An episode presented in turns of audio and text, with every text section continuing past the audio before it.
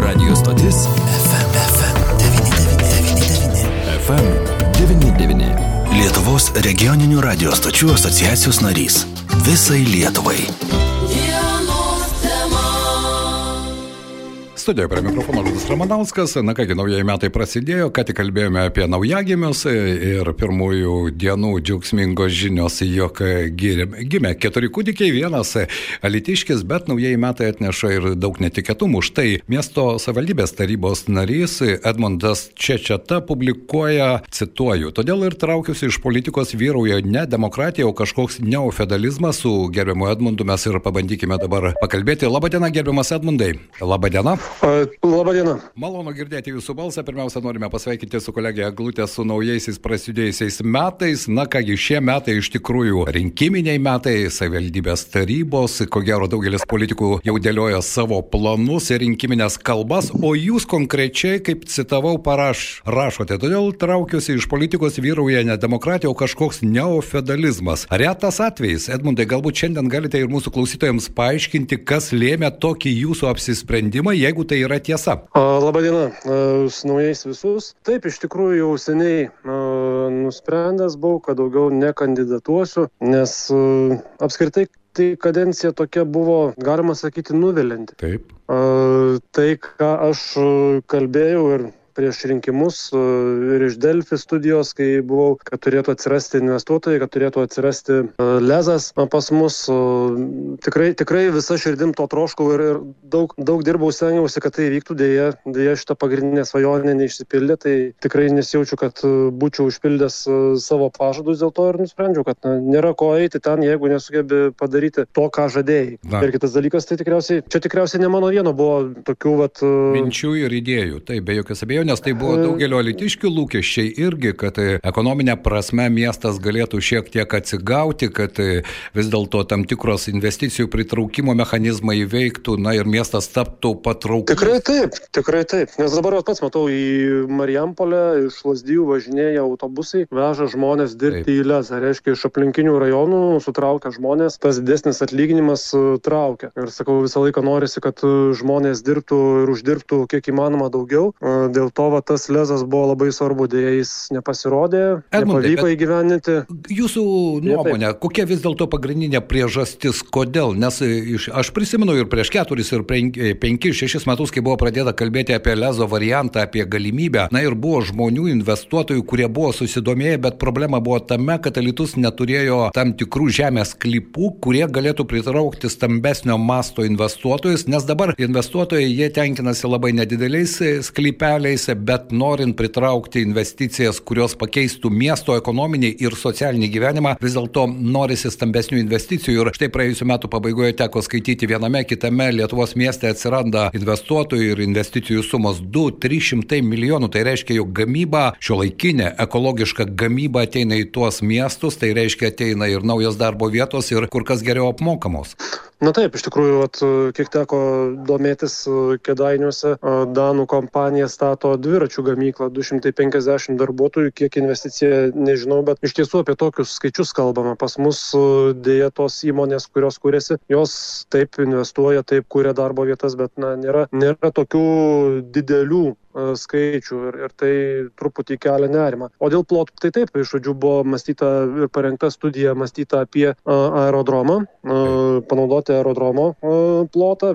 Deja, teisminiai ginčiai tebesitėse iki šiol ir tikriausiai mažai kam atrodo, kad, kad galėtų toje vietoje vėl sugrįžti, nors kita vertus nelabai stipriai aerodromas ir buvo naudojamas. Ten vienas lėktuvėlis, jeigu paskraido, tai irgi nėra, nėra rezultatai džiuginantis palyginus su kitais kitų miestų aerodromais. Jeigu mes simtume, kad ir Prienų aerodromą ar ne, arba kokį nors Asnavos aerodromą, tai rezultatai irgi tikrai labai labai, labai stipriai kuklus. Tai e, tikrai, tikrai norėtųsi, kad kitą kadenciją būtų išspręstas klausimas ir dėl lezo, ir dėl aerodromo, kad galėtų kažkur skraidyti ir aviatoriai, ir lezas galėtų atsirasti Alituje, nes, tarkime, tas sprendimas padaryti Kauno rajone lezą, pačiame viduryje centre Lietuvos, kur ir taip atrodo tas ekonominis augimas yra gana didelis ir štai apeinant Alytų arba kitus centrus, tai, tai tikrai. Jūsų nuomonė vis dėlto, atrodo... kodėl tas traukinys nuvažiavo? Nes, na, aš prisimenu, ne vienas ministras atvažiavęs į Alytų vizitų ir prieš penkis, ir prieš šešis metus, ir premjerai ne vienas lankėsi, sakė,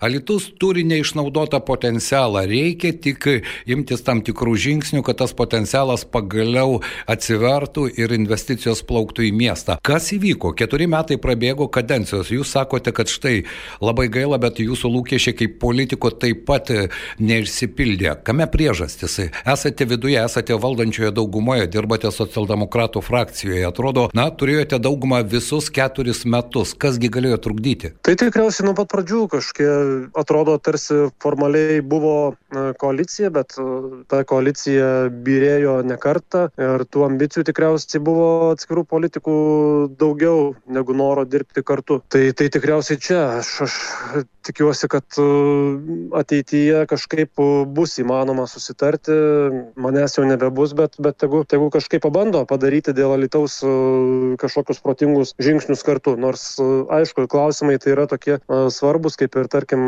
švietimo reforma. Taip. Na, dabar irgi iškilęs klausimas dėl padėjėjų, bet aš irgi turiu klausimą, jeigu rajono savivaldybė išmoka 200 tūkstančių premijų, bet neturi galimybės prisidėti išlaikant mokinius rajono savivaldybės besimokančius Alitaus mokyklose, tai irgi klausimas geras ateičiai. Be jokios abejonės, bet tai jau politikų susikalbėjimo klausimas, ar ne, ieškant tų bendrų sprendimų. Iš kitos pusės užsiminėte apie rajoną. Štai prieš naujus metus meras, rajono meras mūsų studijoje gyrėsi, kad pagaliau pajudės traukinys ir į Saulės ir vėjo jėgainių parką Lietuvos rajone bus pritraukta daugiau kaip 200 milijonų eurų. Būtų puiku, būtų puiku, bet aš tai matyčiau, kad turėtų ateityje, kur Marijampolė tikriausiai laimėjo, kad tapo savivaldybė su gana normaliais žemės plotais, tai aš, aš matyčiau, kad kada nors turėtų susijungti šitą žiedinę savivaldybę Alitaus rajono ir Alitaus miesto ir taip tikrai būtų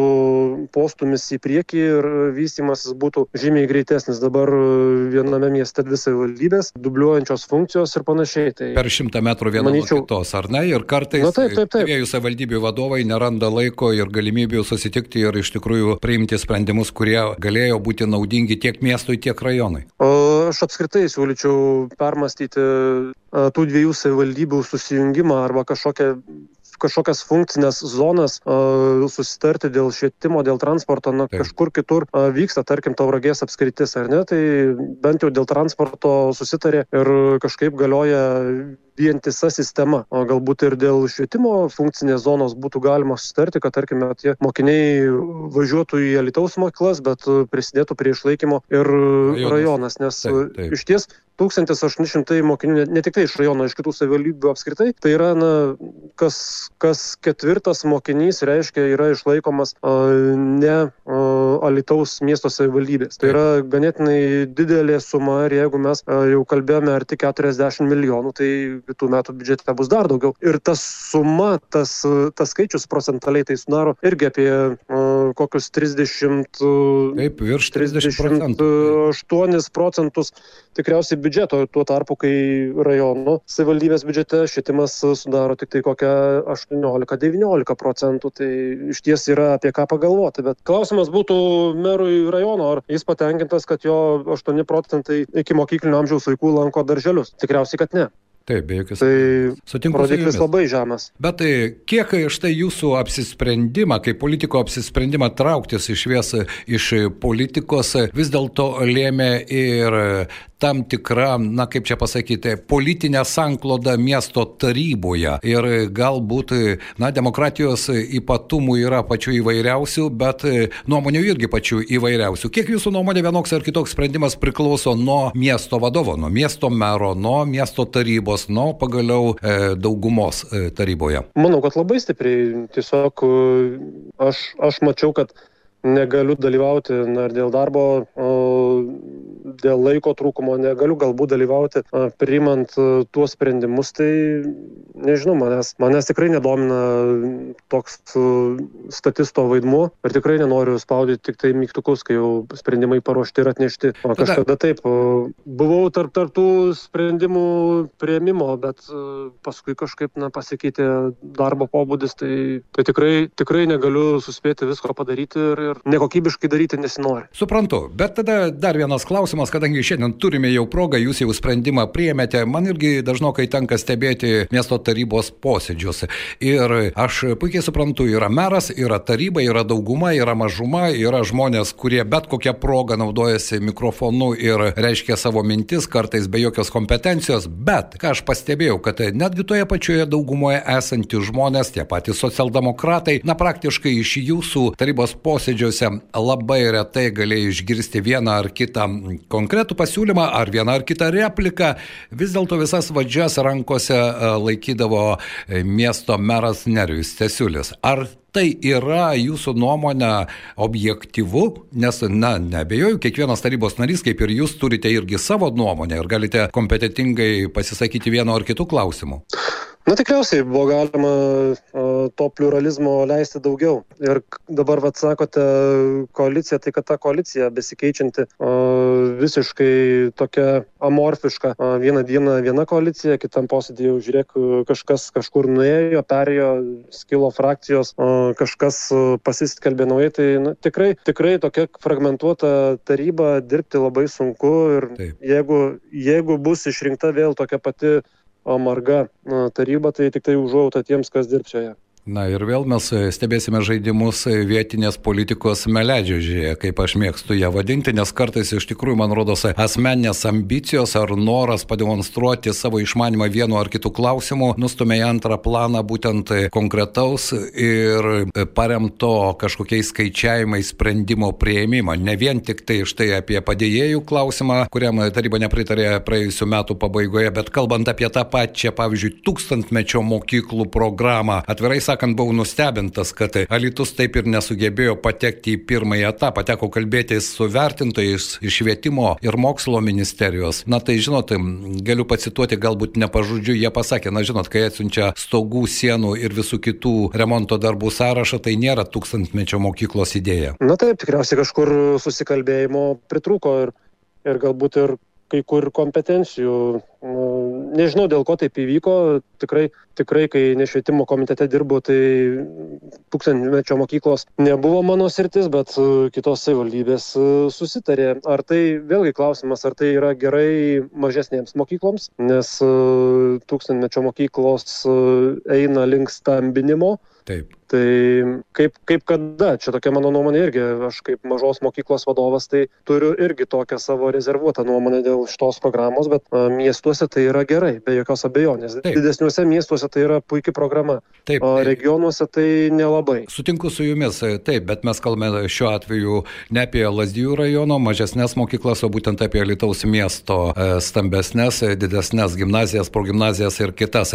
Dar vienas e, paskutinis galbūt klausimas. Ar jūsų apsisprendžimas sprendimą vis dėlto trauktis iš politikos, tai reiškia ir iš šių metų rinkiminės kampanijos, lėmė jūsų vieta sąraše, nes atvirai sakau, aš nežinau, koks tas sąrašas yra ir kurioje vietoje koks politikas atsidūrė, ar tai kažkiek e, lėmė ar ne? Ne, liūdai, tai nelėmė, aš karto pasakiau, kad sąrašuose nebūsiu ir neleidau savo pavardės naudoti nei pirmoje, nei paskutinėje vietoje. Tai buvo mano apsprendimas jau iš seniau ir, ir, ir tikrai uh, nuo vietos tai nepriklausė, ar tai būtų buvusi antra ar, ar, ar 54 vieta. O tikrai nusprendžiau nedalyvauti ir, ir, ir neiti. Ir čia, čia ne dėl sąrašo tikrai. Supratau. Ne, ne, ne dėl ambicijų kažkokių, kad uh, nu, kažkur per žemai įrašė, tikrai ne. Nes dažnai politikoje būtent tokie žaidimai vyksta. E, labai malonu, kad vis dėlto jūs šiuo atveju elgitės labai garbingai ir aš tikiuosi garbingai atsakysite ir į paskutinį klausimą. Galite įvertinti besibaigiančią ketverių metų kadenciją Alitaus mieste ir priimtus sprendimus. Aš dabar nesimsiu cituoti visus